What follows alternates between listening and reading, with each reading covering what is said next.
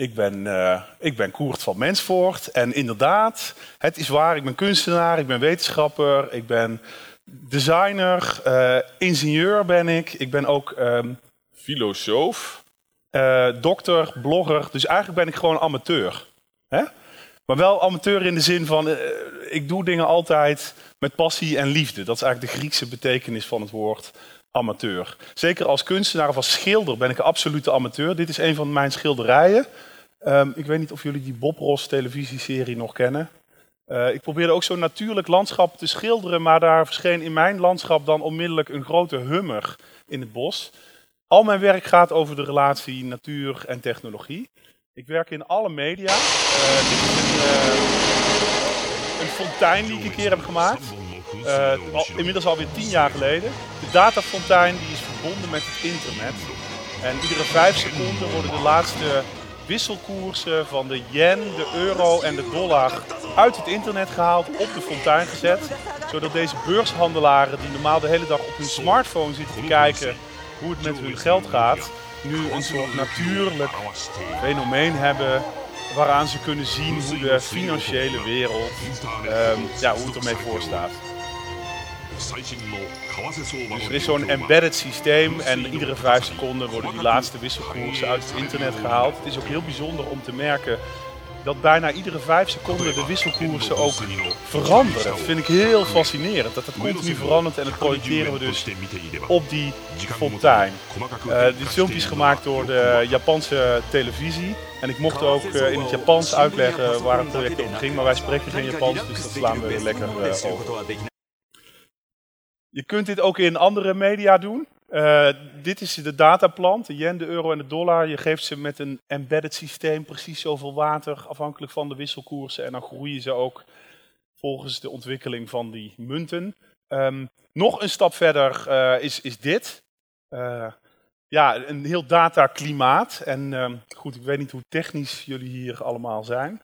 Dit is nog wel heel moeilijk om te maken hoor. Dat, dat kunnen we niet. Maar je, kunt er wel op speculeren. Je kunt het wel bedenken. En uh, je kunt bedenken, wat betekent het dan als data helemaal in onze omgeving komt? En ik speculeer graag. Dat doe ik vaak in mijn werk. Uh, hier zien we ook een speculatief product dat ik tien jaar geleden heb bedacht. Ik dacht dat het heel surrealistisch zou zijn en dat het nooit zou gebeuren. Dat we de groene beweging en de Coca-Cola, dat die elkaar zouden vinden. Nou goed, ja, soms heb ik ook geen gelijk. Um, en ik heb een hele supermarkt gemaakt met speculatieve producten. En dit is de commercial daarvan.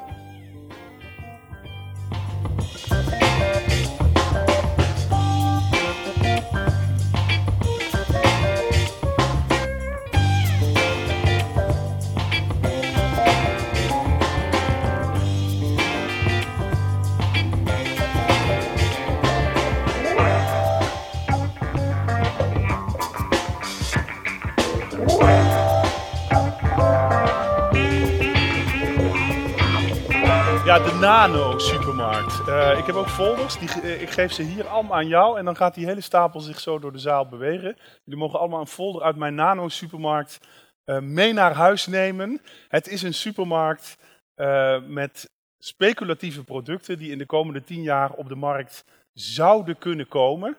Um, ja, dus het is eigenlijk een grote what-if supermarkt. Dit is ons logo. We hadden verschillende varianten toen, toen ik het maakte. Dit was de goedkope versie.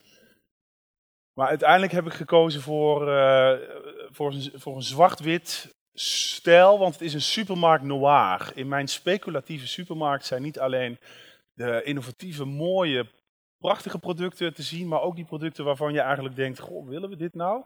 Dus het zo, zowel dromen als nachtmerries toon ik in die supermarkt. En hij reist ook echt rond, um, want ik was geïnspireerd door de hele oude SRV-wagens. Ja, op sommige plekken in Nederland rijden ze nog steeds. Het is een beetje ja, retro, alhoewel het ook wel futuristisch aanvoelt. Een rijdende supermarkt. Um, maar ja, als je, dat is toch iets te ouderwets en heb ik gecombineerd met iets futuristisch. En dan bam, dan heb je dus je nano-supermarkt en die reist nu door heel Europa. Die zet ik op winkelpleinen. Dan denken mensen, oh, nieuwe supermarkt in de buurt. Daar ga ik even in. Um, ja, en dan zie je toch hele andere dingen dan je normaal in de supermarkt ziet. Zoals bijvoorbeeld dit. Uh, een van de, onze meest populaire producten. is de Wallsmart interactieve verf. Eén keer aanbrengen op de muur en daarna kun je de kleur van je muur zo vaak als je wil veranderen met je smartphone. Wie zou dit kopen? Ja, ik kan het wel zien. Ja, best veel. Hè? Ja, iedereen wil het wel. Ja, dit werkt met magnetische nanorods. Uh, want nanotechnologie is technologie op de schaal van 1 miljardste meter. En het is fantastisch dat wij mensen nu op die hele kleine schaal onze omgeving kunnen zien en manipuleren. En ja, licht werkt zo dat uh, jouw shirtje is roze-rood, omdat al het witte licht dat daar opvalt, uh, wordt geabsorbeerd, behalve het rode deel van het spectrum wordt gereflecteerd. En als je dat op dat nanoniveau kunt manipuleren, dat dat licht anders reflecteert, dan kun je dus een oppervlakte maken uh, wat dynamisch van kleur kan veranderen. Dat is mooi. En we kunnen nu ongeveer zo'n groot stukje kunnen we maken. Dus een hele muur kan ook nog helemaal niet. En dat zie je ook hier aan de uh, haalbaarheidsindicator. Die is nog niet helemaal vol. Als die helemaal vol is, dan bestaat het product. Kun je ook in de folder kun je het zien. Dus helaas nog even wachten op de Walsmart en misschien zijn LED-lampen ook wel veel handiger.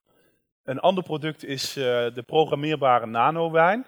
die bevat uh, nanocapsules. Die, kunnen, die, ja, die zijn heel klein, die kun je gewoon drinken, gaat door je lichaam heen.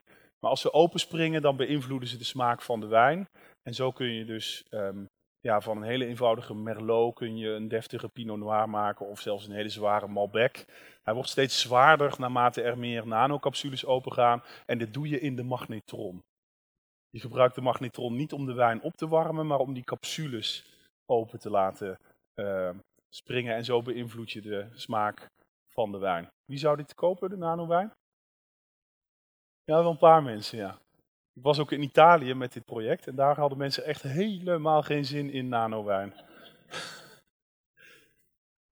Het is ook een voorbeeld van hoe een nieuwe technologie eigenlijk een bestaande traditie zoals wijn in één keer wegvaagt. De hele slijterij in één, één fles en dat gebeurt best uh, vaak. Um, dit is een ander product waar, waar, ik zelf wel eigenlijk op zit te wachten, moet ik bekennen.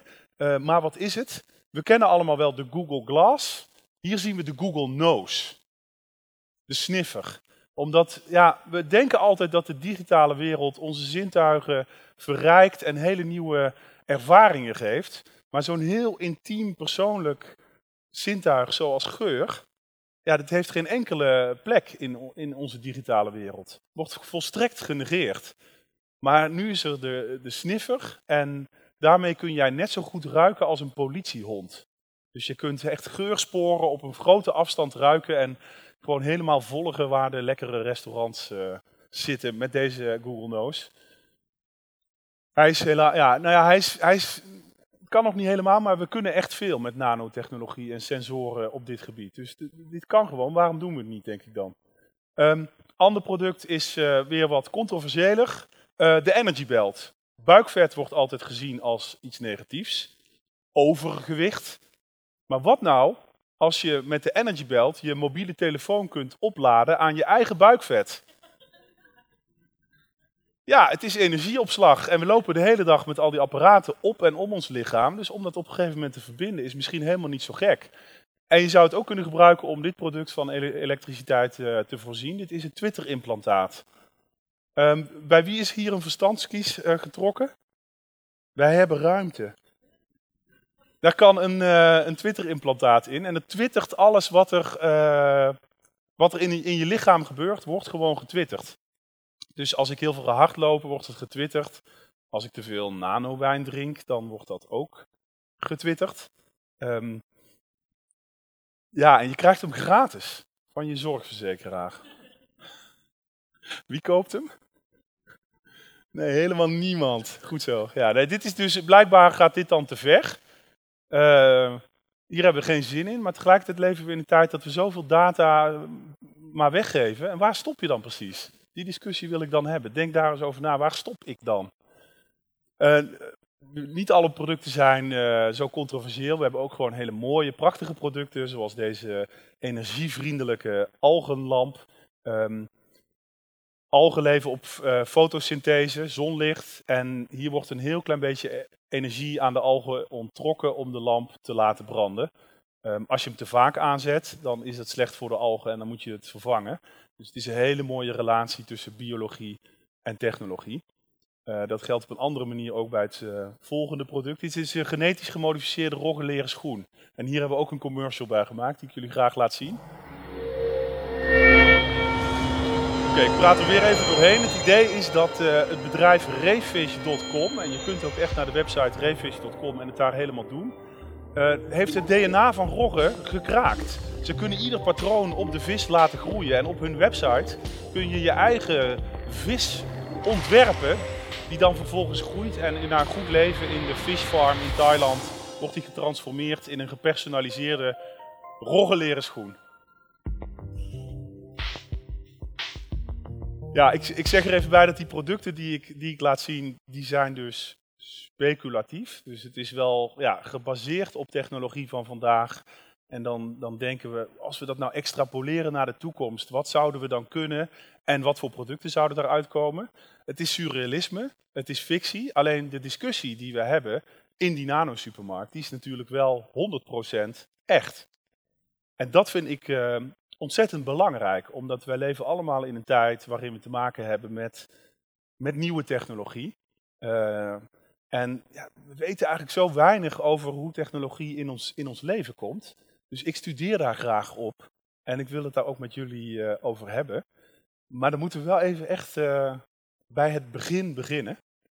En ja, het begin is, is ook echt dan het begin van, van onze planeet. Het is nu ongeveer 4,5 miljard jaar geleden sinds onze aarde is ontstaan.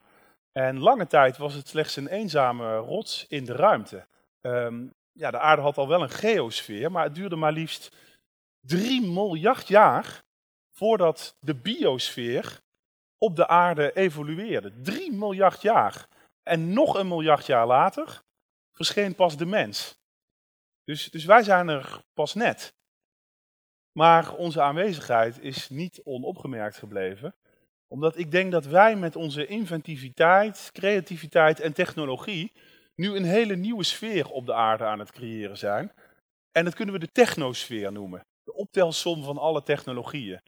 En net zoals dat die biosfeer is ge geëvolueerd en voortbouwt op de geosfeer, ja, evolueert ook die technosfeer op de biosfeer. En er zijn allerlei interacties. Dus dit is eigenlijk een heel simpel verhaal, namelijk uh, evolutie gaat door. En we kennen allemaal uh, wel de evolutietheorie van Darwin, maar die is pas 150 jaar oud. Dat is, dat is zo kort in verhouding tot tot die hele periode. Het lijkt, volgens mij is nog niet helemaal geland in onze cultuur. Want wanneer we het hebben over ja, de natuur, dan zitten we vaak toch nog in zo'n idee van Adam en Eva en het paradijs. Terwijl de werkelijkheid is dat ja, Adam en Eva, dat zijn wij, maar wij zijn allemaal geboren in een wereld die al volstrekt ontworpen is. Alles om ons heen is al ontworpen en bedacht. Als je nu in deze zaal om je heen kijkt, en je gaat op zoek naar het meest natuurlijke ding in de ruimte. Oké.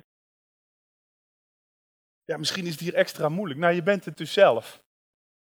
Wij zijn eigenlijk nog het laatste natuurlijke ding in de ruimte. En verder hebben we mensen, onze, onze hele omgeving is ontworpen, is eigenlijk ook technologie.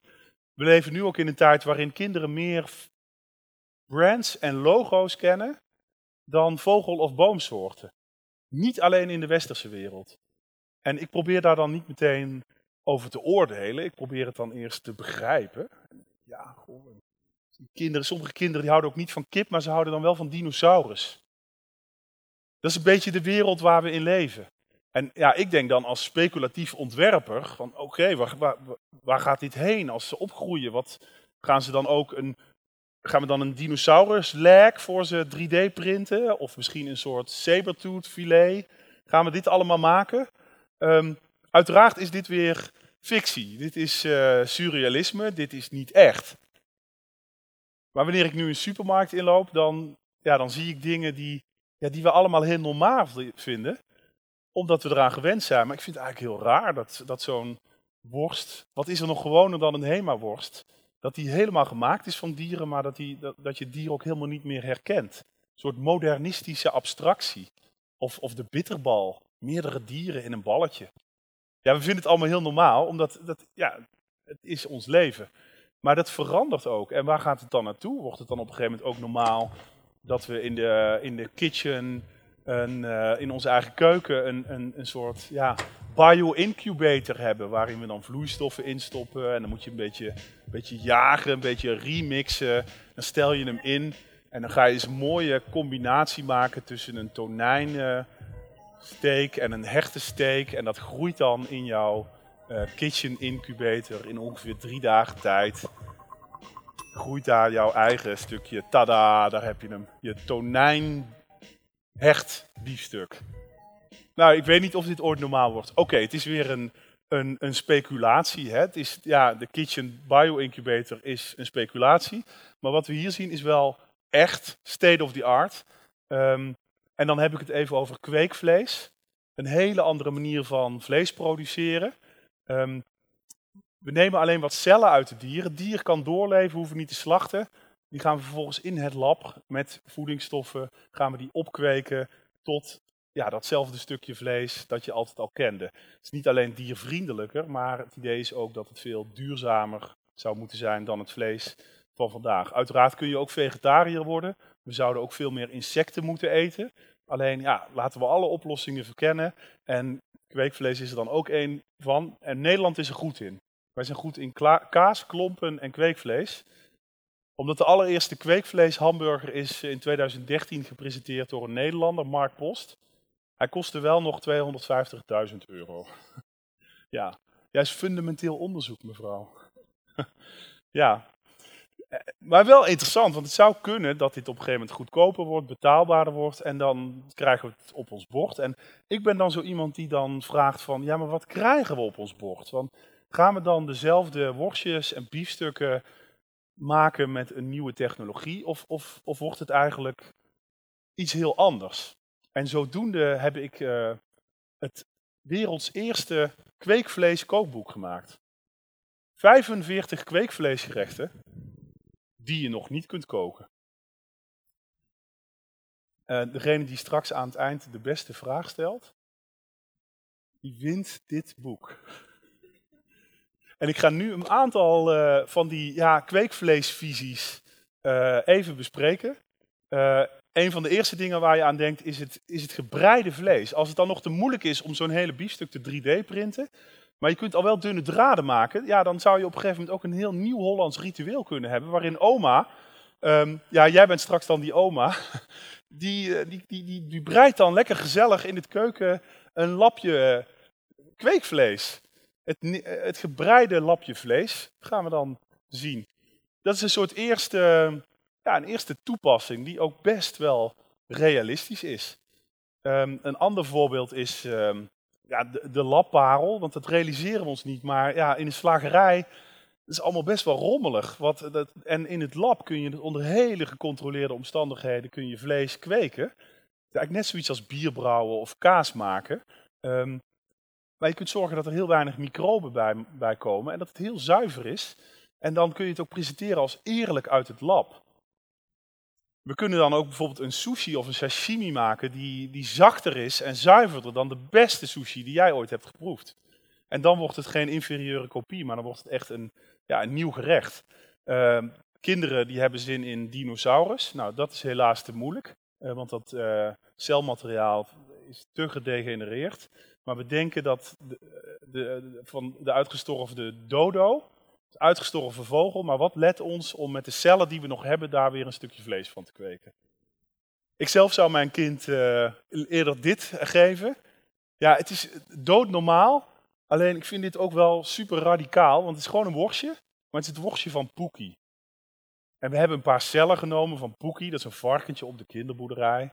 En je geeft dan het, het worstje van Poekie aan je kind. En dan, maar de volgende dag kun je naar de kinderboerderij en zeggen, kijk daar is Poekie, hij leeft.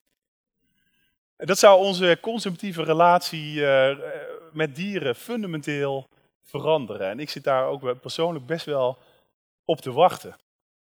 Andere grappige dingen zijn het vleesijs. Want ja, je realiseert je dat je zit niet meer vast aan de ribeye, de biefstuk, de vorm van het dier. Maakt helemaal niet uit. Het is net als abstracte kunst. Je kunt het helemaal afbreken en dan weer maken wat je wil. Een vleesijsje is ook best lekker, heb ik ontdekt. Eindelijk een ijsje voor volwassenen. Ook in de winter heerlijk hartig ijsje. Um, vlees, fruit hebben we ook bedacht.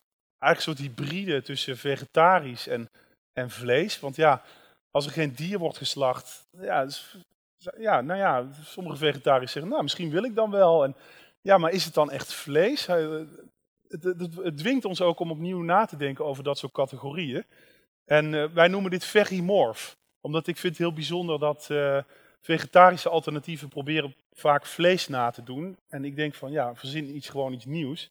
Uh, hebben we hier ook gedaan. Dit is het kweekaquarium. En daarin zwemmen synthetische organismen uh, die eigenlijk het midden houden tussen een dier en een plant. Ze hebben geen, ze bewegen wel, maar ze hebben geen zenuwstelsel, ze voelen geen pijn.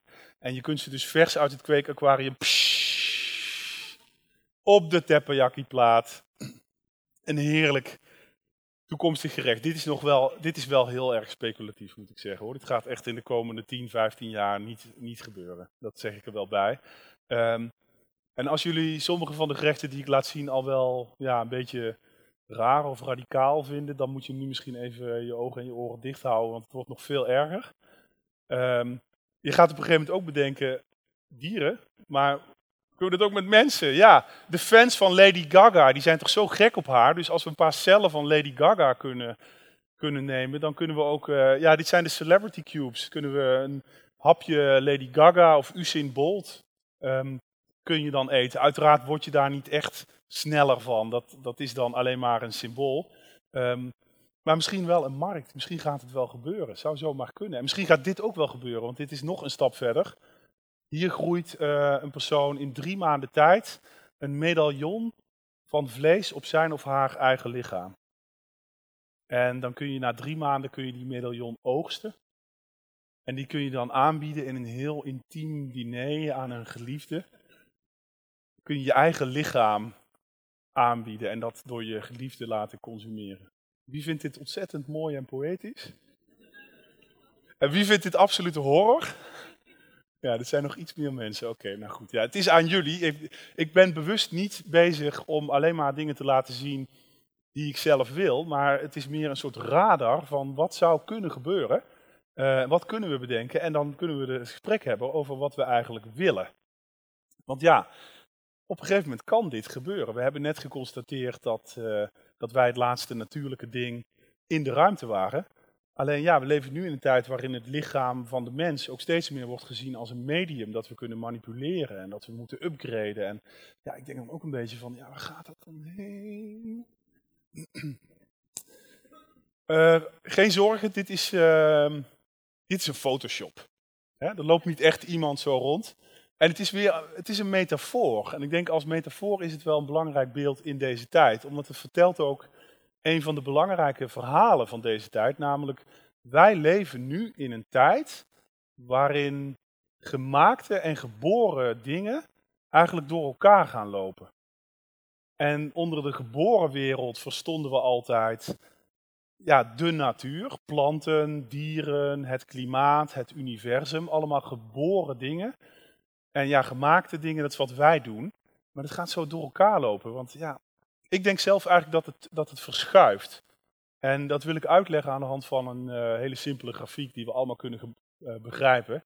Als ik op één uh, lijn zet geboren versus gemaakt, en dan op de andere as zet ik autonoom versus gecontroleerd, dan heb ik nu vier kwadranten gemaakt. En daar kan ik allemaal dingen in plaatsen. Dus zoals in het geboren gecontroleerde kwadrant, daar kan ik een regenboogtulp, een, een bonsaiboom, een genetisch gemodificeerde banaan of, of kip kan ik daar plaatsen. Dit is geboren natuur, die wij mensen nu eigenlijk helemaal naar onze hand zetten tot aan het moment dat we zeggen, ach, dit is eigenlijk gewoon design. Er is ook nog heel veel geboren natuur over die we niet controleren. Denk aan virussen, vulkanen, de bliksem of de zon. Daar hebben we gewoon geen, we hebben geen controle over de zon, dus we mogen ook best een beetje bescheiden zijn. In de gemaakte, gecontroleerde kwadrant, daar vind je zaken zoals een auto, een uh, telefoon, een, een robothondje of een gloeilamp. Is eigenlijk niet zo heel spannend. Maar daarboven wordt het interessant, want, want daar vinden we dingen als het fileprobleem, eh, digitale netwerken, steden, computervirussen, het financiële systeem. Ja, oké, wij hebben het gemaakt, maar controleren we het ook nog? Het lijkt een soort eigen dynamiek te krijgen, steeds meer. En mijn argument is eigenlijk dat we vroeger altijd nadachten over natuur als alles wat geboren is. En dat dat nu misschien wel kantelt naar een idee van natuur als alles wat ja, uit zichzelf groeit.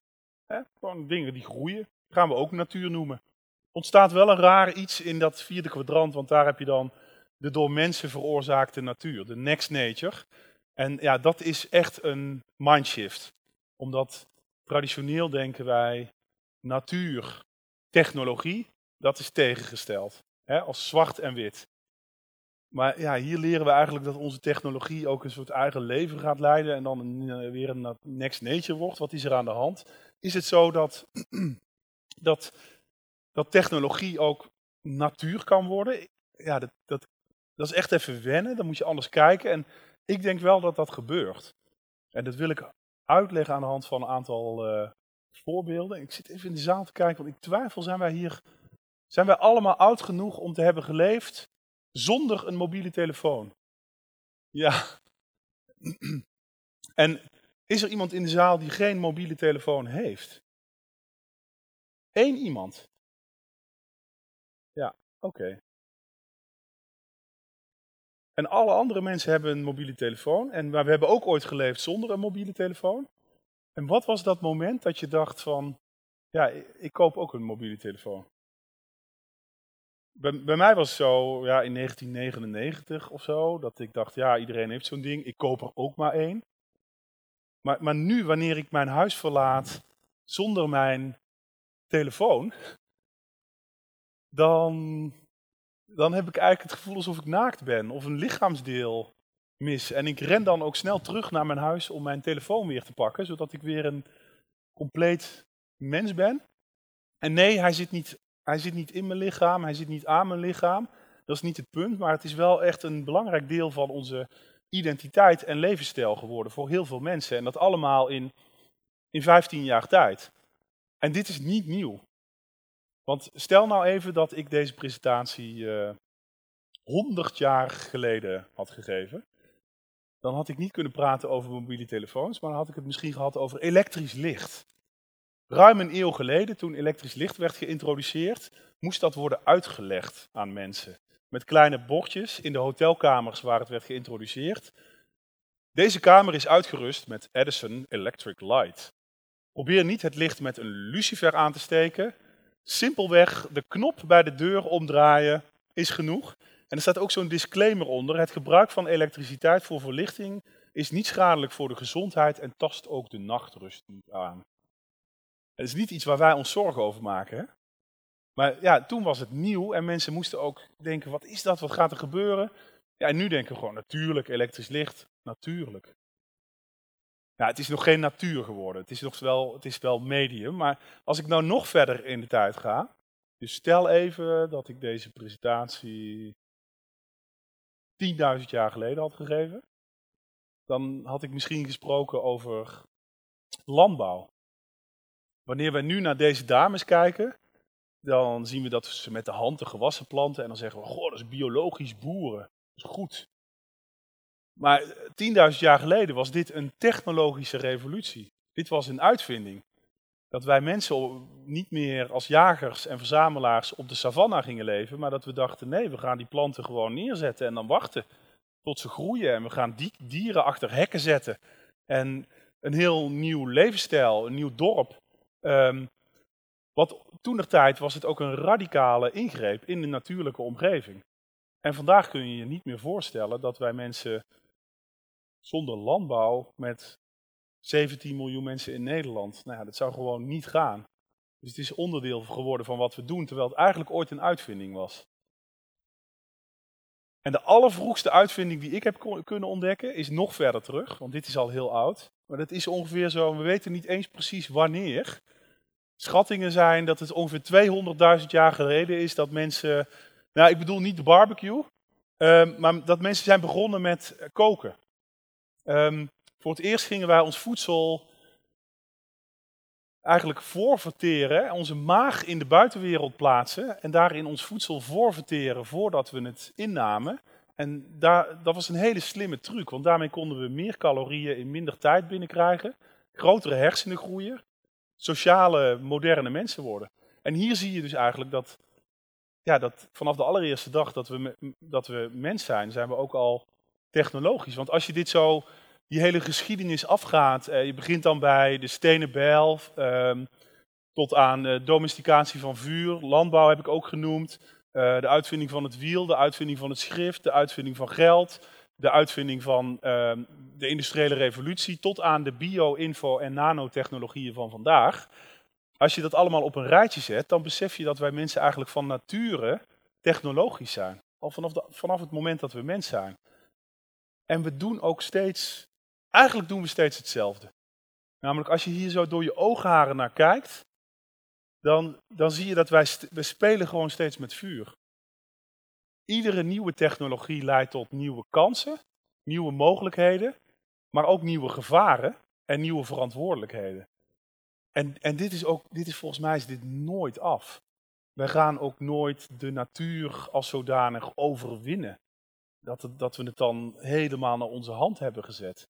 Wel nee, de natuur laat ons ook helemaal niet ontspannen. Die verandert juist gewoon met ons mee.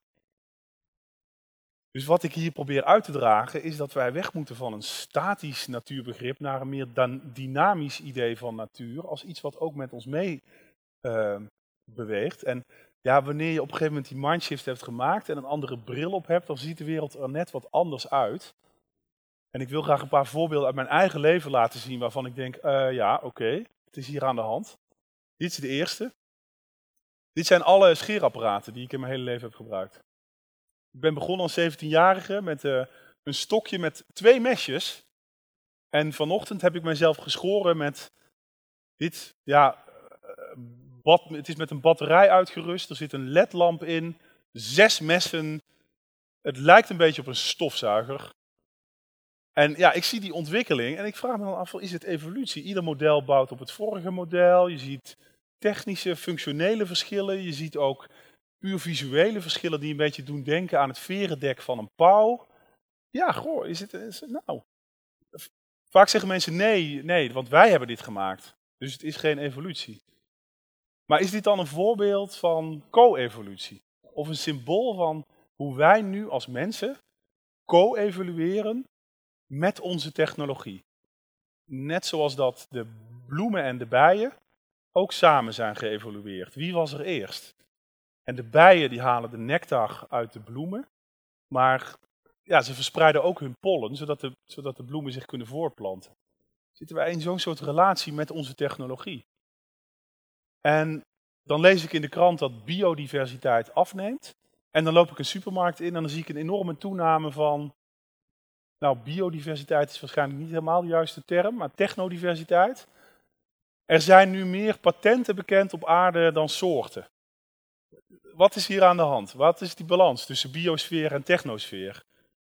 Het financiële systeem heb ik al genoemd, hier gevisualiseerd als een een vlucht creditcards. Wordt het tijd dat we ook ons financiële systeem gaan zien als een, ja, als een, als een ecologie? En, en wat kunnen bankiers dan nog leren van boeren? Want die hebben immers heel veel ervaring om met het weer en het klimaat te werken. Dat zijn ook semi-autonome ecologieën die ze niet helemaal beheersen, maar waar ze wel mee, mee dealen. Wat, voor nieuwe methodes hebben we hier nodig? Hoe sturen we de groei? Gaan we ook anders bouwen? Um, dit vind ik zelf heel inspirerend. Is helemaal niet nieuw. Dit, eh, dit zijn wortelbruggen in India. En mensen, ja, ze eigenlijk groeien ze hier een brug door aan weerszijden van de oever wortelen met elkaar te verbinden. En wanneer je dat lang genoeg doet, dan, dan groeit daar een brug. Het sturen van groei als methode om iets te construeren. En hoe sturen we de groei van dit fenomeen? Dit is niet een sterrensysteem ergens heel ver weg. Uh, veel dichterbij uh, dan je denkt. Dit is een kaart van het internet. Uh, ieder apparaat dat verbonden is met het internet geplot als een dotje en alle verbindingen tussen al die apparaten als lijntjes. En dan krijg je zo'n soort structuur waarvan ik denk, goh, prachtig, ziet er eigenlijk natuurlijk uit. Ja, het is dan next nature. En we hebben dit nooit zo ontworpen. Het is een beetje om ons heen ontstaan.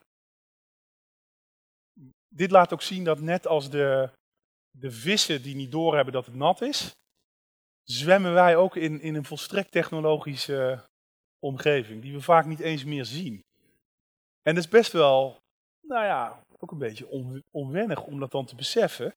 En wat ik dan vervolgens ook probeer, en dat wil ik nog tot slot in de laatste tien minuutjes met jullie eh, delen, is te, te denken van hoe komt die technologie nou in ons leven, hoe ontwikkelt zich dat? En ik heb daarvoor een model ontwikkeld, dat eh, noemen we, de, noemen we de piramide van technologie. Het is losjes geïnspireerd op een hele beroemde piramide van Abraham Maslow, die in 1943 zijn Hierarchy of Human Needs presenteerde, waarin menselijke behoeftes op verschillende niveaus uh, bestonden en je moest steeds de lagere niveaus bereiken voordat je omhoog kon. Um, ik vroeg me af, kun je dat ook met technologie doen? Wat is nou het allerlaagste, simpele, basale niveau waarop technologie kan bestaan?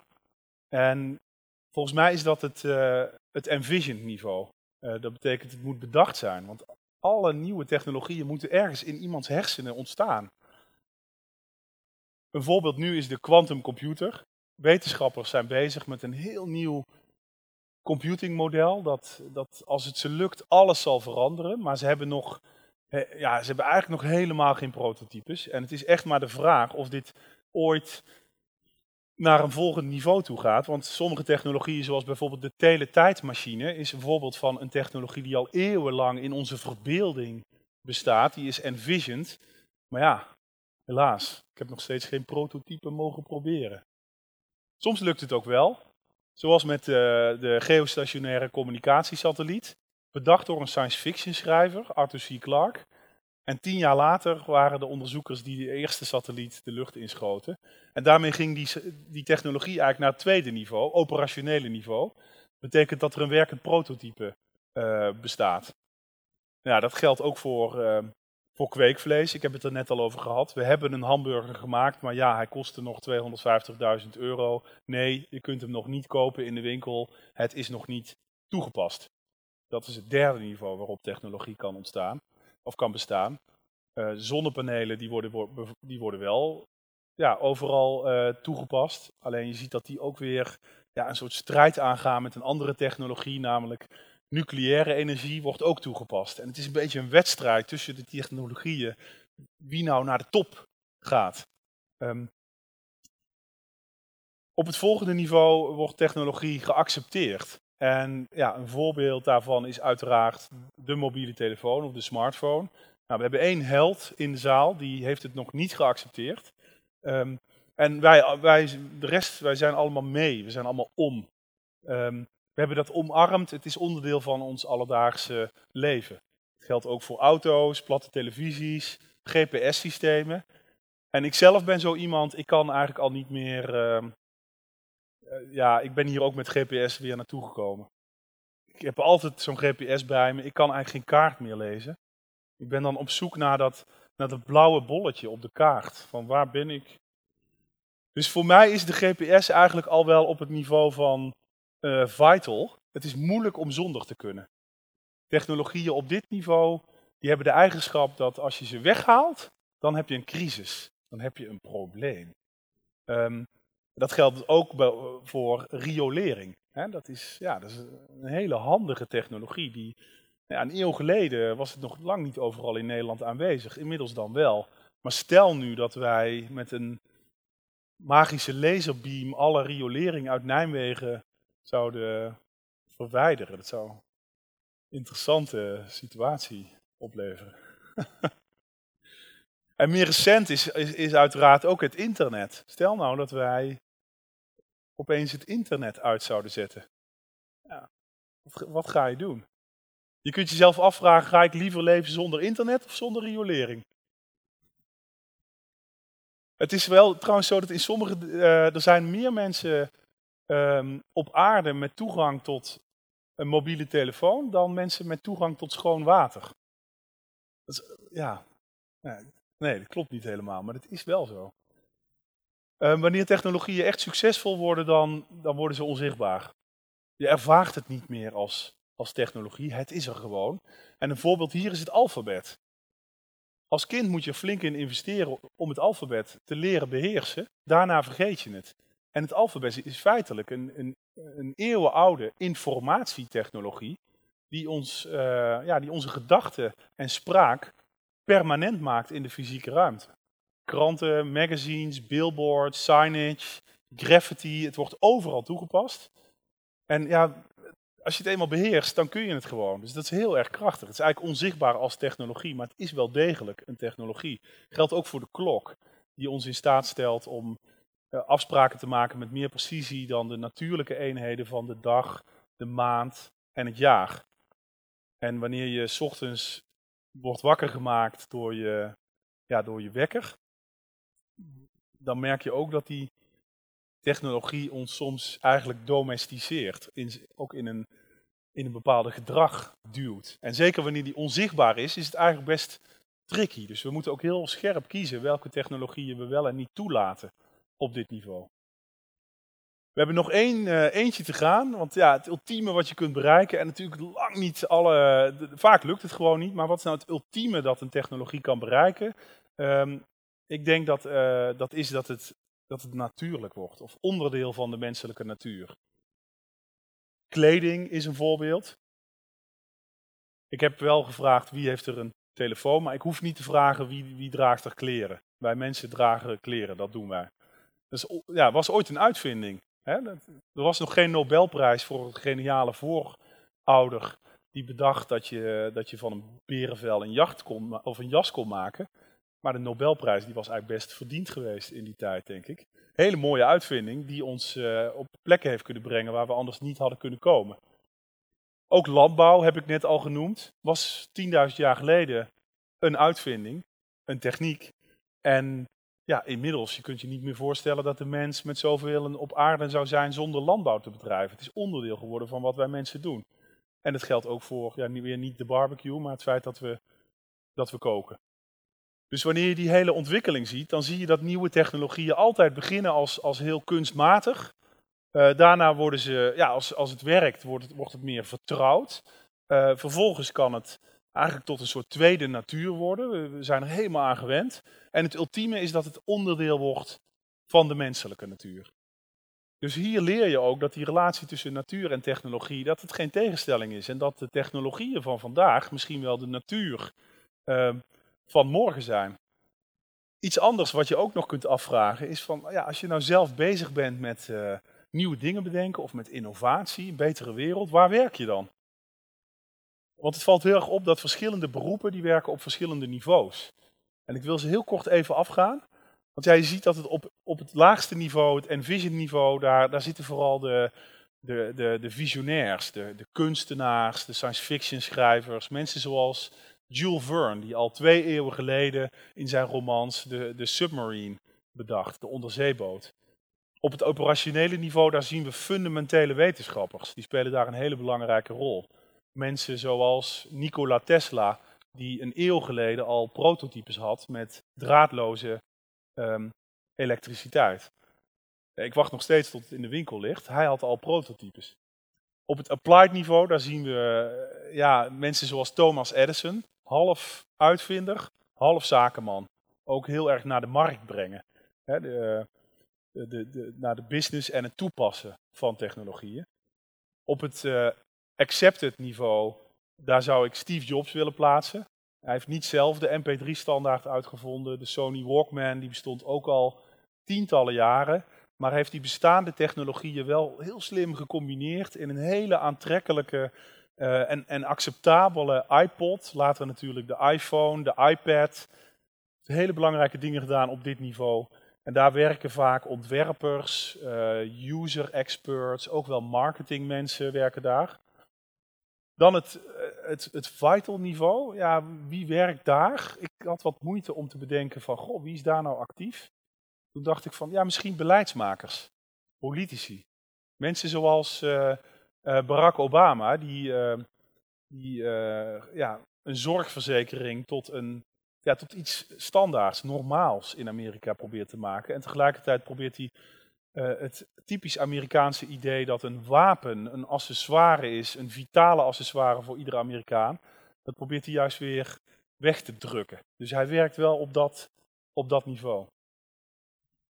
Dan op het uh, ja, onzichtbaar eh, niveau. Daar, ja, het is volgens mij ook onzichtbaar wie daar werkt. Daar is eigenlijk een vacature. En uh, zeker ook op het topniveau, het, het, het, naturalized niveau. Ja, er zijn niet echt de, de uitvinders. Als ik de universiteiten binnenloop, dan zie ik de mensen niet echt zitten die, die, dit aan het, die hier werken. En het zegt ook iets over ons beperkte idee van technologie. Want die top van die piramide die hangt eigenlijk in de mist. Als wij het hebben over innovatie en nieuwe technologie, dan, dan hebben we het vaak over die lagere vier niveaus. En veel mensen hebben ook een, een definitie van technologie die daarbij aansluit. Zoiets als, ja, technologie, dat is alles wat is uitgevonden nadat ik geboren ben. Dat is toch een beetje hoe wij erover denken. Of nog erger, uh, technologie is alles wat nog niet helemaal werkt. Dat is toch een beetje hoe wij dan over technologie nadenken. Terwijl we hier ook zien dat het eigenlijk zoveel meer is dan dat. En dit is zo beperkt, want als gevolg hiervan nemen we ook genoegen met halfbakken oplossingen. En dat is jammer, want ja, we hebben dan fantastische uh, ideeën, zoals de, de droom van telepathie. Dat is uh, het, de droom om op afstand te kunnen communiceren. Dat is een, een eeuwenoude uh, droom waar mensen op zitten te wachten. En nu hebben we, ja, we, nemen dan genoegen met een mobiele telefoon waarvan de batterij altijd leeg is. Dus die, die, die mobiele telefoon is eigenlijk een halfslachtige implementatie van de droom om telepathie te kunnen, te kunnen hebben. Uh, een ander voorbeeld is dat veel mensen dromen ervan om te kunnen vliegen. Ook een eeuwenoude droom. Ja, nou, we kunnen het nu, maar we stranden dan op een overbevolkte uh, luchthaven. Terwijl ik denk, als wij onze onze droom, onze menselijke dromen, als we die pakken en heel serieus nemen, en dan zeggen van, ja, dat moeten we naar die top duwen, dan kunnen we zoveel beter. En nee, dit is niet makkelijk. Um, helemaal niet. En uh, je, je, bent er niet zomaar. Maar je weet dan in ieder geval waar je naartoe wil. En dat lijkt mij eigenlijk ook een wereld die best wel wenselijk is. Die ook mooi is. Omdat wij mensen dan ja, onze dromen aan het realiseren zijn met die nieuwe technologie. En op dat moment kom je er ook achter dat je niet meer weemoedig hoeft te zijn over technologie en te denken, ja, het, het, het vervreemdt me van de natuur en ik moet eigenlijk terug naar de natuur.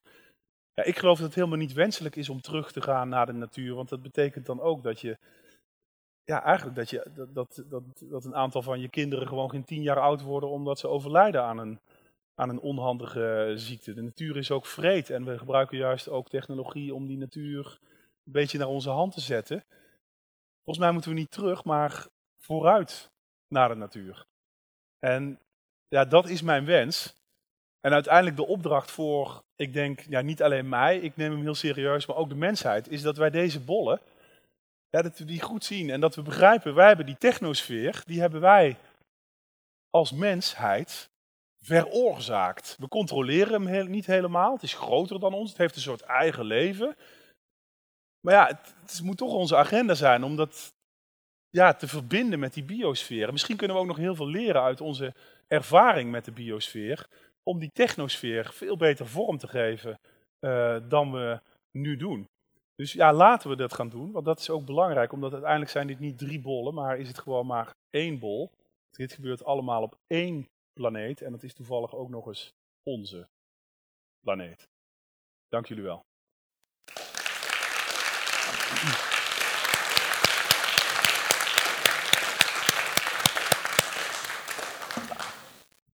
Ja, onze planeet dus. Maar eigenlijk wil ik het eerst uh, nog even hebben over het scheren. Oh ja. Het voorbeeld van het scheren. Um, daar zit dus een bepaalde evolutie in. Ja, die, van, dat, ja, ja. Dat, nou ja, je laat het ik zien. denk het. Je hebt een, je hebt een, scheermes uh, van, wat is het? Uh, nou ja, laten we zeggen begin jaren tachtig of zo. Vrij bazaal. En dan met een batterij erin. Nu. nu ja. Maar is dat nou echt een ontwikkeling? Of is het, is het scheermes er beter van geworden? Nou, ik, het is zeker niet iets waarvan ik denk wat fantastisch. Um, zeker als je bedenkt dat dat alleroudste scheermes... Uh, uh, dat is echt al heel oud. En de, uh, het, het, het, scheermes met twee mesjes kwam uit in 1973. En op dat moment werd er ook op de Amerikaanse televisieshow Saturday Night Live werd een parodie gemaakt over dat mesje. Werd eh, aan de mensen een mesje gepresenteerd met waar drie mesjes op zaten. Als parodie in een televisieshow in 1973. En mensen Ja. lachten daar heel hard om. Ja. En wij moeten eigenlijk nu terugkijken naar 1973 en zeggen tegen de mensen toen van ja, jullie dachten toen in 2015, dan hebben we toch minstens een basis op de maan en we, we zijn naar Mars. En wij moeten zeggen, ja sorry, dat is allemaal niet gelukt, maar we hebben wel scheermessen met zes messen. Ja. Dus eh, ik vind het zeker niet iets wat, ehm, ja, wat, wat ik nastreef. Het is echt een soort stomme innovatie. Ook een soort, wel in die zin, blinde innova innovatie. En innovatie is misschien niet het juiste woord, maar in die zin is het wel weer co-evolutie. Ja. Ja, want ik ben heel driftig allemaal dingen ook hierbij gaan schrijven Mhm. op het laatst. Ehm, het viel mij namelijk op, het ging over mobiele telefoons. Ik, u had geen mobiele telefoon, iemand hier? Ja. Ja. Deze manier. En, eh, Sorry? nee, nee, Nee, ik nee, vind maar het juist- daar gaat ja. het mij precies om. Jij zei, held. Waarom? Nou. Waarom is die meneer? eh, misschien was het per ongeluk, maar wa- waarom held? Nou, omdat ik altijd heel veel respect heb voor mensen die, eh, die niet met de kudde meelopen. En eh, dat heeft u in ieder geval nog niet gedaan. Oké, goed, ja. ja, nou ja, misschien is het ook niet meer vol te houden. Ik kijk, ja, de- ja, maar heeft u een specifieke reden waarom u geen mobiele telefoon heeft? U bent gewoon nog niet aan toegekomen? Of dacht u van, ik heb hier ook even nog geen zin in? Ik heb, ik heb het niet nodig, ik al zonder. Ja. Iedereen om me heen, alle kinderen, kleinkinderen, iedereen loopt met zo'n ding. Irriteert elkaar eh, bij het leven. Ja, nou ja, ja, ik heb inderdaad wel bewust gezegd held. Ja. Maar misschien ook om, om, om de vraag te stellen eh, of ons leven er nou echt heel veel eh, beter op geworden is met die mobiele telefoons. Want dat is iets wat, eh, dat is een soort spanning die erin zit, die je volgens mij ook op wil roepen. Mhm. Eh, dus je hebt het over de nano-supermarkt. Dat gaat niet Ja. alleen over onze dromen, dus ook een dromen over nou, techniek die ons helpt en vooruitbrengt. Maar misschien ook de nachtmerries. Is dan misschien toch de mobiele telefoon, eh, moeten we nadenken over de mobiele telefoon als nachtmerrie? Nee, ik denk eerlijk gezegd wel dat de, dat de mobiele telefoon. Ja, het, he- het is een beetje 60%, 40%, 60% fantastisch en geweldig. Dat ik overal kan communiceren en altijd je geliefde op kunt bellen. En 40% dat je soms denkt, ja, dan gaat hij weer terwijl ik eigenlijk met jou zit te praten, dat lastig is. Voor mij persoonlijk kantelt het wel naar de positieve kant, eh, die mobiele telefoon. Zeker op het moment dat ik bedenk dat, dat, eh, dat we eigenlijk graag als mensen telepathisch wilden zijn en dat al heel lang willen. En dan denk ik, oh, misschien over 100 jaar, dan werkt het echt. Dan, wordt, dan werkt het echt, want we, moeten, we hebben nog wel wat te organiseren. We hebben natuurlijk steeds met zo'n nieuwe technologie ook eh, een nieuwe situatie. Je weet in het begin bijvoorbeeld niet, ik zit nu in een deftig restaurant. En ja, dan had je de gevleugelde uitspraak dat de ob- ober zei, meneer, uw jas rinkelt. Eh, Ja. ja, wanneer neem je hem wel en niet op? Ook in treinen. En dat zijn we met elkaar aan het uitzoeken en dat moeten we ook iedere keer weer doen. Ik zelf, denk zelf wel dat we met de mobiele telefoon langzaam maar zeker steeds beter achterkomen. En dat, we het ook nog wel, dat het ons nog wel gaat lukken om al die berichtjes en al die notificaties, om dat in betere banen te gaan leiden. En dan is het gewoon een prima uitvinding die de mensheid vooruit helpt. Is er ook een uitvinding die de mensheid niet vooruit gaat? Ja, Iets waarvan je zegt 40%, 30%, 60, 70 niks? Eh, oh ja, ik, wat, wat, wat voor mijzelf echt een doorn in het oog is, is het flitskapitaal. Ik weet niet of mensen weten wat het is, maar nu op dit moment wordt meer dan 80% van alle handel op de aandelenbeurs wordt door computers gedaan. Ja. En daar is een soort wedloop aan de gang, wat een hele technologische wedloop is. Ook hoe, hoe dicht zit je bij de beurs? Hoe snel is je verbinding? En dan proberen slimme jongens en meisjes eh, proberen daar geld te verdienen eigenlijk door, door, door dat systeem te bespelen. En daar nemen de algoritmes en de computers die nemen het helemaal over. Ja, en ik denk daar worden een paar mensen beter van, maar de mensheid heeft er echt helemaal geen klap aan. En ehm, ja, dan denk ik, kom- kunnen we daar iets voor organiseren dat je dat gewoon niet doet. En het blijkt dan heel erg lastig en moeilijk te zijn. Waarom is dat eigenlijk zo moeilijk? Ja, omdat eh, vrije markt, kapitalisme. ehm, misschien is het wel moeilijk omdat wij nog niet zien wat dit is en dat we het nog niet op waarde kunnen schatten. En dat we daarom ook niet het belangrijk genoeg vinden om te zeggen, kom, we gaan gewoon het flitskapitaal even belasten. Als we nou eh 0,001% van iedere transactie ophalen, dan kun je miljarden euro's ophalen. En daar kun je allemaal hele fantastische dingen mee doen. Kun je aan de VN geven. Ehm, en dan leid je dat in banen. Want dit is een soort eh, digitale springkanenplaag die eigenlijk over de aarde woekert. Eh, en eh, ik denk dat het begint met dat wij dat, dat we dat gaan zien. Nu is het iets zo van het is abstract. Mensen, ik heb er niks mee te maken. Het zal wel. Wij vragen ook niet aan onze politici om daar iets aan te doen. Nee. Dus is het niet sexy, dus is het niet belangrijk, dus gebeurt het niet. Ik vind het eigenlijk wel belangrijk. Ja. En, en ik denk dat we dat ook wel. Ik, ik moet zeggen, ik word steeds optimistischer. Maar waarom is het belangrijk? Omdat het uiteindelijk mensen moeten zijn die handelen, die beslissingen maken. Want als ik het even goed begrijp, Nou, flitskapitaal heeft er ook te maken dat je gewoon... Jouw computer moet zo dicht mogelijk bij de server staan van de plek waar het allemaal... Waar al die precies, data die elkaar... wapenwedloop is aan de hand. Ja. En dat is een is, is heel technologisch proces. En jij Ja. vroeg mij naar een voorbeeld van een technologie ja, die ik dan niet bijzonder goed voor de mensheid vind. En dan is, ja, dan is dit mijn voorbeeld. Omdat Ja. het maar voor enkelen. Ja, er worden een paar mensen heel erg rijk van. En gefeliciteerd. Maar het is niet een technologie die de mensheid optilt. En ik denk dat we ook met z'n allen moeten kijken naar, eh, op zoek moeten gaan naar technologieën die ons al niet alleen als individu, maar als mensheid vooruit helpen. En eh, ja, dan is dit een voorbeeld van, ja, gewoon niet interessant. Wat is dan jouw grote... Oké, dus de mensheid moet vooruit. Wat is jouw grote Ja. droom voor de, voor de mensheid? Heb je dat? Mm, nou, Of van jou ik- persoonlijk? Ja, ik heb niet een soort eindpunt, want ik vind het wel fascinerend dat wij zelf vaak denken dat, dat wij het eindpunt zijn van evolutie. Dus je had de microben en dan ge- gewervelde dieren, die kruipen uit de oceaan, apen gaan rechtop lopen en tada, dan is daar op het einde de mens en dan is het af of zo. Ja. ja, ik besef me wel dat dat niet zo is, omdat evolutie gaat door. Dus de mens zal ook veranderen. Maar mijn droom is wel dat er ook eh, in de toekomst nog zoiets als menselijkheid zal zijn. En dat, eh, want dat vind ik toch wel iets heel prachtigs. En dat Wat wil is ik dat ook dan? dat mag er al, mensen mogen er wel anders uit gaan zien dan vandaag. Want ik denk als je iemand nou ja, uit, uit de oertijd in een tijdmachine zou zetten en laten landen hier in deze zaal, die zou je ook echt heel weinig van begrijpen. Die zou toch denken, ben ik nog op aarde? Ehm, dus, dus wij mensen veranderen ook en onze omgeving verandert ook. Ehm, Maar maar wat ja, is het dan wat, wat, wat wij nog zouden delen met die oermens dat- die hier verschijnt? ja, ik denk dat wij, ik denk dat ik niet in de positie ben om dat in mijn eentje te zeggen, maar ik denk dat dat wel wij dat als mensen met elkaar moeten bepalen. Wat willen wij nou eigenlijk als, als mens ook doorgeven naar de toekomst? En dat is volgens mij heel belangrijk ook in de keuze welke technologieën eh, je wel of niet omarmt. Want ik kan jullie allemaal huiswerk geven. Namelijk eh, als je ja, je hebt allemaal wel eens te maken met een nieuwe techniek of een nieuwe, nieuwe gadget. En dan vraag je je af, doe ik het wel of doe ik het niet? En ik zou je willen adviseren, vraag je even af van, vergroot dit nou mijn menselijkheid? En da- daar krijg je ook geen zwart-wit antwoord op. Dat is verschrikkelijk. Daar moet je dan verschrikkelijk lang over nadenken. Ja, en je Nou moet ja, er nee, ook over ik- ik- praten.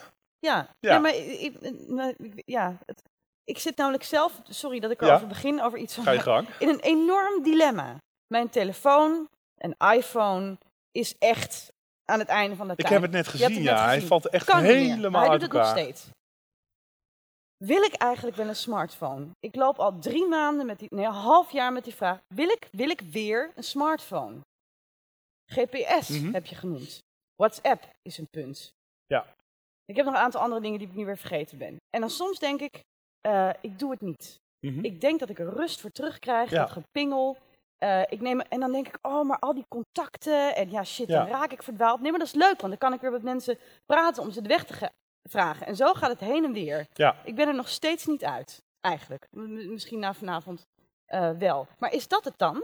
Nou, je Is zou dat- wel een tijdje bijvoorbeeld op vakantie kunnen gaan van je smartphone. Dat lijkt me een heel goed, goede oefening om eens te, te, te denken, een tijdje van, ik leg hem weg, hoe is het? Of eens even een gesprek met deze eh, interessante meneer gaan hebben hoe het is om te leven zonder een mobiele telefoon. En Ja. we kunnen allemaal die oefeningen natuurlijk doen. Eh, ja, op een bepaald moment, ik kan ook zeggen, ik, ga, ik ben zelf ontzettend middle of the road eigenlijk. Op een gegeven moment denk ik, ja, nu heeft iedereen een telefoon. Oh ja, nou goed, dan ik ook. En dat is ook mijn bewuste strategie om eigenlijk wel, wel mee te doen, wel onder water je te je lopen. Maar tot, ik loop Heb tot je mijn middel in het water. Hebben we gezegd, hier, hier ligt een grens. Dat is Nou, in- ik dat loop is dus ik loop eigenlijk mee in het water dat ik kan voelen wat het is. Maar tot mijn middel dat ik, er, dat ik ook nog denk, ik kan er op, tij- op tijd uit als het niks is. Maar ik besef me ook wel dat dat continu verandert.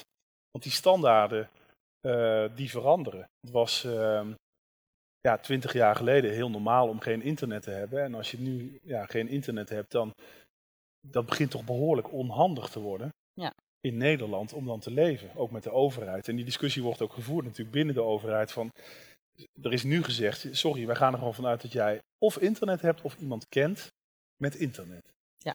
En misschien is het ook wel terecht, maar dat is dan de nieuwe situatie waar wij als mensen ons in hebben ja, begeven. Dat is dan gewoon geworden. Dus ja, ik denk die, het gaat meer om dat dingen veranderen. Ja, dingen veranderen. Want dingen veranderen al door de hele geschiedenis. Dus je kunt heel nostalgisch zijn en weemoedig zijn of je hakken in het zand zetten. Dingen zullen veranderen. Alleen de discussie die we moeten hebben van hoe, eh, welke, welke kant willen we op? Willen we die kant op of die kant op? En daar staan we nou voor mijn gevoel ook wel op een kruispunt. Dat je, dat je kunt kiezen van ja, zo of zo. Dat, Misschien gaan we het zo nog hebben over waar je dan naartoe zou kunnen gaan in Mhm. het kruispunt. Maar het woord discussie is gevallen. Eh, ik wil graag naar u, naar de zaal. Eh, even een heleboel vragen. Ik weet niet waar die microfoon is. Ik begin bij u. Dan ga ik daarheen. Ik hoop dat ik goed kan kijken. En dan achterin. Eh, ik wou even toch eh, doorgaan op eh, wat, wat jullie net over hadden. Inderdaad, van als er nieuwe technologieën zijn, hoe, hoe, worden, hoe denken we daar als mensen van tevoren over na? Willen we dat? Of hè, is er überhaupt die discussie? En daar was ik gisteren ook met iemand over aan het discussiëren. En ik zou eigenlijk geen voorbeeld kunnen bedenken zelf, waarbij wij als mens heel duidelijk hebben aangegeven, oké, die kant willen we op. Eigenlijk, als ik zeg maar zelf eh, eh, kijk naar eh, de omgeving, wat er aan technologie staan en welke het maken, hè, z- wat je zo mooi in die piramide aangeeft, welke worden geaccepteerd. Het, lijkt wel een beetje een soort toevalsproces te zijn. En, en als je denkt aan evolutie bijvoorbeeld, dan is dat natuurlijk ook een toevalsproces. Dus, ja, ik ben een beetje in de mist als ik denk van, he- heb ik, ken ik een technologie waarbij wij als mens echt heel do- doelgericht hebben nagedacht, hier wil een antwoord op, en daar hebben we aan naartoe gewerkt. Ja, Ja? Waar, nou, ik vind het een hele goede kwestie die u opwerpt. Want ik ben het er ook voor een heel groot eh, deel mee eens dat het ontzettend moeilijk is eh, voor ons om dat te sturen. Al is het maar omdat er op allerlei niveaus keuzes worden gemaakt. Op individueel niveau, natuurlijk ook op, ja, politiek niveau. Als ik een voorbeeld zou moeten noemen, dan denk ik eh, eh, toch aan nucleaire wapens. Ehm, het feit, ah, ja, ergens is het ook wel een wonder dat, dat het ons al 50 jaar lukt om geen atoombommen te gooien. Dat, dat, dat is toch, vind ik, behoorlijk knap. dat, die, dat die beheersing daar wel is. Dus daar is de, de, de debat wel degelijk gevoerd. En daar hebben we ook gezegd. eh, Ja, daar, Is, daar is ook, nou ja, politiek, er is, valt veel op, op aan te merken. Hè? Alleen, eh, ja, ik ben ontzettend blij dat, eh, dat die dingen niet continu op allerlei plekken afgaan. Ja. Ja. ja. ik denk dat we da- daar zijn we het gelukkig dan wel over eens. Ik ga naar die meneer in het. ik denk vanaf hier blauw. Ik vind kleur niet ingewikkeld. Blauwe t-shirt. Ja. Ehm, ik wil nog even terugkomen op het flitskapitaalverhaal. Goed zo. Ik ben het met je eens dat het nut van flitskapitaal eigenlijk nihil is voor de mensheid. Maar er zijn heel veel dingen in het verleden geweest die ook eigenlijk geen nut hadden, zoals reizen naar de maan. Of ehm, misschien een banale, voordeel, vo- banale voorbeeld eh, porno op internet. Maar die hebben heel veel bijgedragen aan eh, dingen die wel nut hadden. Want eh, reizen naar de maan Ja, ja. heeft heel veel dingen opgeleverd. En eh, dingen als betalen op internet, eh, streaming video op internet. Komt allemaal voort uit de technische stappen die bijvoorbeeld porno hebben, eh, in eerste instantie heeft gedaan. Dus op die manier kan flitskapitaal misschien wel heel veel dingen opleveren, misschien ook nu al, waar je het nog niet van inziet, zoals gigabit internet of zo. Maar dat kun je nu niet zien. Ja, inderdaad, ja, dat, dat, dat zou kunnen. Ja, dat, dat is wel waar. Alleen, ja, er zitten ook gewoon wel flink wat nadelen aan dat eh, flitskapitaal. Namelijk dat het toch tot een oneerlijkere economie leidt en dat, eh, mensen interveneren in een economie eigenlijk zonder enige waarde toe te voegen, eh, dan wel proberen daar een voordeel uit te halen. En dat vind ik een groot nadeel. Dus ja, misschien dat er ook handige voordelen uitkomen. Dat zou kunnen. Het technologische voordeel lijkt me wel eh, nuttig. Ja, want ik, heb, ben, ik, ik ben absoluut niet tegen gigabit internet. Ik denk dat dat is ook iets wat we sowieso ontwikkelen. Dat, daar heb je eigenlijk geen, geen flitskapitaal voor nodig. En jij gaf ook het voorbeeld van naar de maan gaan. Dat, ja, dat, daar, daar is echt iets anders aan de hand. Omdat daar is een, een, een droom, ja, een menselijke droom ligt daar aan grondslag om, om dat te doen. En daar, ja, daar kun je ook van zeggen, is het nuttig? Nee, nog niet. Maar toch wel ja, bi- bijzonder om die berg te beklimmen. Ja. Er zijn Oh. heel veel vragen. Oké, ja. Ja. Hallo, eh, Ja. om een beetje bij de economie te blijven. Hoe kijkt u aan tegen de eh, ontwikkeling van cryptocurrency? En voorziet u toekomst binnen nu en laten we zeggen 10 à 15 jaar? Oh, hier kunnen we echt een uur even over praten. ja, ik denk dat eh, eh, het hele fenomeen geld gaat in ons leven nog vrij fundamenteel veranderen. En eh, daar zien we nu de, het begin van, ook in de cryptocurrency. Misschien weet niet iedereen wat het is, maar het komt er eigenlijk op neer dat wij nu een geldsysteem hebben dat, waarbij de overheden bepalen wat de waarde is van eh, geld en daar de regie over hebben. Ehm, en eh, bij cryptocurrency is het zo dat, eh, dat wij zeggen nee, computersystemen kunnen dat beter doen, algoritmes kunnen dat beter doen, we laten dat door software regelen en dan hebben we ook een economisch systeem. En dat begint nu een soort schaduweconomie te, te, te worden, eh, wat nog heel onstuimig is en een soort cowboygebied is met de bitcoin die op het ene moment 0 euro waard is, dan 1000 euro, dan weer 200 euro en vandaag is het geloof ik weer 300 of 400 euro of zo. Ehm, en we moeten afwachten wat dat wordt. Alleen ja, het feit dat dat, daar is ook wel een soort geest uit de fles die gewoon nog dingen gaat veranderen in ons leven. Denk ik. Antwoord op je vraag?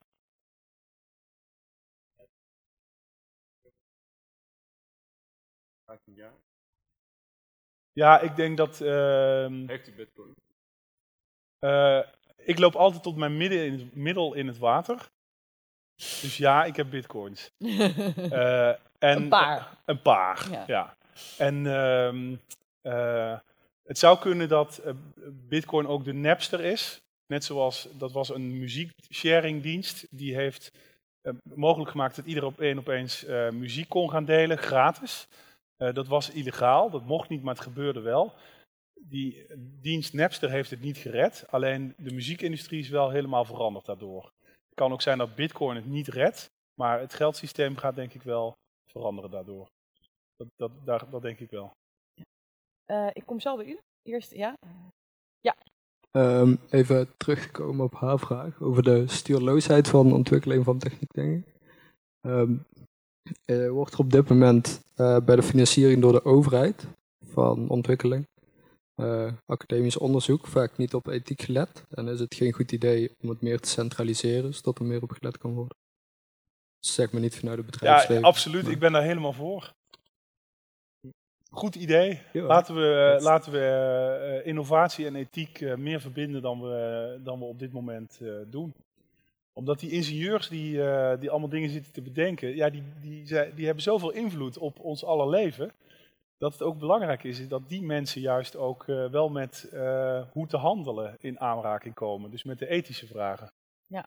Heel Zijn er misschien al voorbeelden van manieren waarop dit wel al gebeurt? Oh, het gebeurt absoluut. Omdat, nou ja, ik ben zelf één dag in de week verbonden aan de Technische Universiteit in Eindhoven. Ja, en wij hebben daar gewoon wel eh, on- onze vakken die, het dan, die gaan dan over de sociaal-culturele bewustzijn eh, en de ethiek rondom technologie. Eh, studenten hebben er niet altijd zin in. Dus wij moeten ook wel zorgen dat we dat aantrekkelijk maken voor studenten. En als we dat doen, dan hebben ze er opeens wel zin in. Want dan komen ze er ook achter dat het gewoon belangrijk is. Ik ga eerst naar deze mevrouw in het zwart-wit. U bent al langer. eh dus mag even naar voren.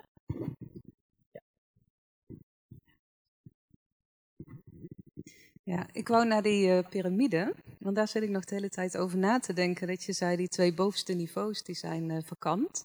Maar ik dacht, dat zijn gewoon mensen. Ja. Want dat zijn de momenten volgens mij in de fase dat wij eh, zeg maar in de technologie in onze genen eigenlijk krijgen. En steeds doorleveren, zoals je zegt met dat alfabet. En klopt het dan dat je oproep hè, om meer te dromen, over wat technologie kan doen, dat dat eigenlijk een oproep is, juist aan dat onderste niveau, naar meer visionairs. En dat wij mensen ook allemaal meer bewust daarmee bezig zijn. Hè? Want Mhm. net zei de voorganger van ja, technologie en eh, ethiek, maar dan zet je het weer in die wetenschappelijk. Terwijl ik denk, waarom volgen we als mensen alleen maar en zijn we niet ook veel meer? Dus bedoel jij je oproep ook zo? Eh, ja, inderdaad. Dus ja, dankjewel voor deze vraag en, en toelichting. Eerst om over die twee... Sorry, het gaat net goed. Inderdaad, die twee bovenste niveaus. Ik heb ook wel eens bedacht, misschien werken op het één na bovenste niveaus onderwijzers, die leren kinderen het alfabet. En op het topniveau zou je kunnen zeggen ouders, die leren kinderen dat ze kleren moeten dragen, dat ze zich netjes moeten gedragen, dat ze niet overal mogen plassen. Ehm, dus, en inderdaad, hoe hoger je komt, hoe meer mensen het aangaat. Dus dat, dat is waar wat u zegt. Ehm, wat ik eigenlijk wil, is niet alleen maar een oproep voor het onderste niveau, maar ik, ik wil graag dat wij mensen die hele piramide overzien. En eh, zeker ook de mensen die bezig zijn met nieuwe innovaties, dat die die piramide overzien. Omdat dat- je dan snapt van, oké, we moeten die dromen inderdaad serieuzer nemen dan we nu vaak doen. En we moeten vervolgens moeten we ze over al die niveaus heen tillen. En dan kom je ergens uit. Ehm, en, en nu is het vaak zo dat mensen zitten in hun vakje. Ze zitten dan op een niveau van, oké, ik doe alleen maar fundamentele research. Ik wil eigenlijk niks te maken hebben met, met, eh, met de visionairs met rare dromen. Ik ben wel iets aan het uitzoeken en ik wil ook niks te maken hebben met een zakenman die het dan in de markt probeert te zetten. Terwijl je, je moet ook leren begrijpen dat al die niveaus eh, belangrijk zijn om uiteindelijk helemaal naar die top te komen. Maar moet er dan misschien eh, ook een soort fundamenteel debat gevoerd worden over wat dan eigenlijk... Bedoel, de droom van de een kan de nachtmerrie van de ander zijn, Ja. toch? Absoluut. Ja. Ja, ik denk, eh, nou ja, ja. Ja. Ja, dus daar is dit project ook voor bedoeld om, eh, om jullie uit te nodigen om te gaan praten. Ja, wat zou je kopen en wat zou je absoluut niet kopen? En dan merk je toch dat, dat mensen best wel verschillende meningen hebben. En soms kan je eigen mening ook veranderen. Mijn eigen mening verandert bij sommige producten ook. Ja. Bijvoorbeeld bij die Energy Belt. Dus je te- telefoon opladen aan je eigen buikvet. Ja, in het begin dacht ik echt van nee, niet doen. Want dan ga je nog een hamburger eten om je telefoon op te laden. maar inmiddels denk ik iets ruimer erover. Ik denk van op de lange termijn, ja, het, het komt gewoon op ons af dat, dat, wij, dat we die verbindenissen aangaan. En laten we dat op een goede manier doen. En dan, dan kan het ook heel mooi zijn. Het kan ook heel interessant zijn. Het zal anders zijn. Maar het kan ook dromen realiseren. Maar ik- is het niet zo dat voor de meeste mensen, mensen geldt dat ze wennen na, aan dingen na een tijdje? Ja, ja daar zijn we Eh, heel goed in. Ja. Daar zijn we echt ontzettend goed in. Maar, maar is, er nou, is er nou inderdaad een product in jouw nano-supermarkt waarvan je zegt, daar gaan wij nooit aan wennen? En wel hierom. Nou ja, ik denk dat ik dan het Twitter-implantaat moet noemen. Alhoewel ik nu zeg, denk ik ook van, nou, misschien we zouden er ook aan kunnen wennen. Ehm, maar dat vind ik echt een heel duidelijke eh, eh, nachtmerrie.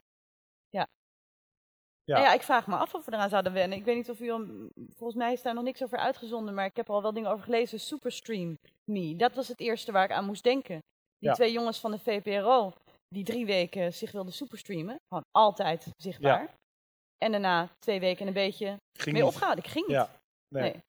nee. inderdaad. Ja, ja er, er worden dan dingen over jou bekend. Waar, er gebeurt natuurlijk ook heel veel in je lichaam waar je jezelf helemaal niet van bewust bent. Dat is wel weer interessant. Alleen als jouw zorgverzekeraar dan die dingen weet die jij zelf eigenlijk niet eens weet, ja, dan heb je wel een stukje van je autonomie opgegeven, ja. Ja. En de- ja, de- dan moet je je zorgverzekeraar wel heel erg vertrouwen. Eh, wil je dat doen? Als je hem zo goed zou vertrouwen en dat je denkt van, nou, dit kan mij echt helpen. Het is uiteindelijk, eh, ja, dan kan het ook een engeltje op je schouder worden. Maar het is echt zo, ja, waarschijnlijk is het eerder een duiveltje op je schouder dan een engeltje op je schouder. Ik heb voor mezelf wel de uitdaging nog gesteld om, die, om dat Twitter-implantaat helemaal uit te werken op een manier dat het een engeltje zou worden. Ja. Omdat ik denk van, ja, dit moet er niet komen. Maar ik hoor ook, eh, dit idee is een paar jaar oud. En ik hoorde laatst dat nu in, in Taiwan wetenschappers dit eigenlijk gewoon aan het doen zijn. Dus dan denk ik ook van, oh jee, ja, op een gegeven moment misschien net als dat cola blikje. Als het er komt, laten we dan ook proberen van, hoe, hoe, hoe willen we het dan? Dus ik probeer nog wel een positieve Twitter-implantaat te ontwikkelen. En daar zal ik over vertellen wanneer ik hier de volgende keer weer ben. Ja. Maar misschien dus wel een beetje uit angst, omdat het er dan wel zal komen, omdat we het dus niet eh, tegen zullen houden. Ja, dat speelt wel, want het is, het is natuurlijk toch heel moeilijk. Oh, Ja, waar gaat de kudde heen? Wie bepaalt dat? Ja. ja. We hebben wel allemaal een stem. Hè? Je, hebt, je hebt gewoon, ja, je bent één van de vele mensen. Je hebt een keuze en die keuzes in je persoonlijke leven, die, ja, die betekenen ook iets in de levens van anderen. En dat volgt elkaar. Dus ja, ik, ik ben geen fatalist die zegt van, eh, het is een soort vloedgolf die over ons heen komt of zo. Nee, je hebt, je hebt toch een stem en je moet erover praten en dan samen bepalen welke kant we opgaan. Over technologie gesproken trouwens. Ik zie, ho- hoe laat is het? Hoeveel? Het is eh, Want ik ben met 25 minuten over. 25 Acht. minuten. Dan hebben we nog tijd voor één laatste vraag. Ik zat heel in het midden, dus ik ga dan inderdaad naar u, meneer, voor de laatste vraag. Ja, ik zit er eigenlijk van het begin van het gesprek al mee in mijn hoofd, maar het komt er op het eind ook weer op terug.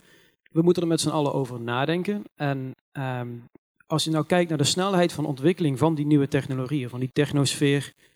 We hebben een hele lange tijd nagedacht over koken. Werkt dat wel of niet? Landbouw, ook een goede lange tijd over nagedacht. En nu noem je net ehm, het, eh, het streamen project van de jongens van de VPRO. En daar is, ik geloof, twintig jaar geleden al een, een, van de allereerste technopunk romans eh, Snow Crash over geschreven. Die gaat over data. En data is continu overal toegankelijk.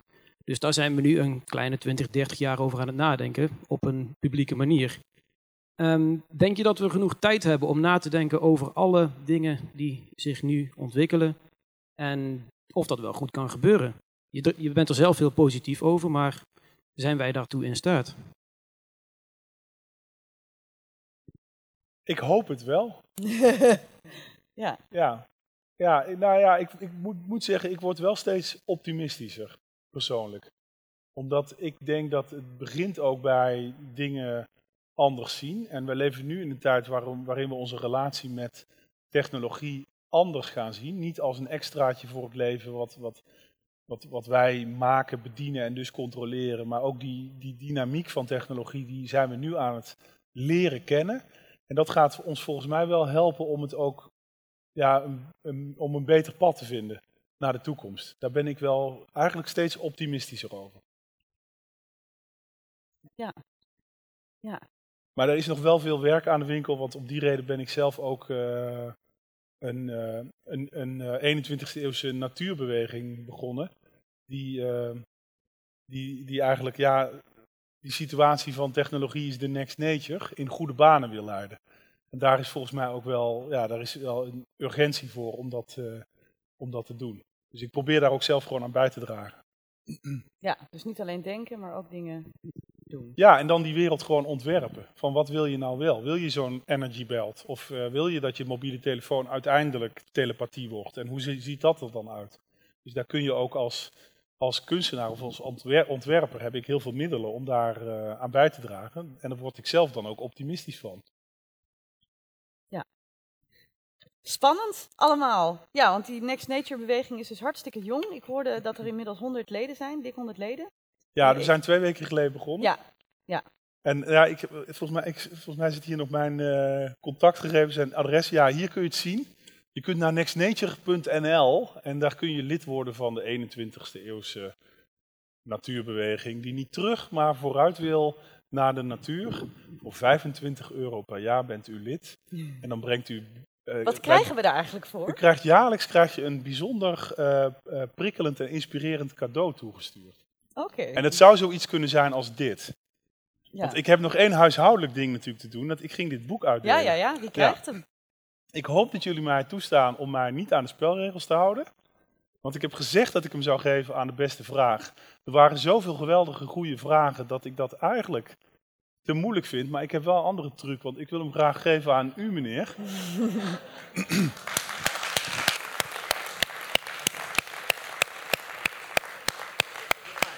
Ja, Ja, tot slot eh, eh, moeten we nog meer reclame maken, denk ik. Want, Oh ja. want Oh ja. eh, eh, over, over wat hier eigenlijk staat. Jij kan ons daar meer over vertellen. Ja, we gaan zo. u moet niet weggaan. Ik ga ook niet weg, want ik wil dit niet missen. Omdat we gaan zo een, een, een performance zien. Ehm, die duurt 20 minuten. En ehm, ja, het is ook kunst en wetenschap helemaal in het centrum bij elkaar gebracht. En ja, ik ben, ze- ik ben zelf heel benieuwd. Ik weet ook niet precies wat ik ga zien, maar ik blijf hier wel om het, eh, om het te beschouwen. Het begint trouwens pas over eh, drie kwartier. Dus mocht u inderdaad Drankje? toch nog... Dat, dat kan. Drankje Dat en kan. dan terug in de zaal. Drankje Ja. en terug in de zaal. Eh, ik wil u enorm bedanken voor uw komst. En natuurlijk vooral Koert van Mensvoort voor zo'n prachtige lezing en een mooi gesprek. Dankjewel.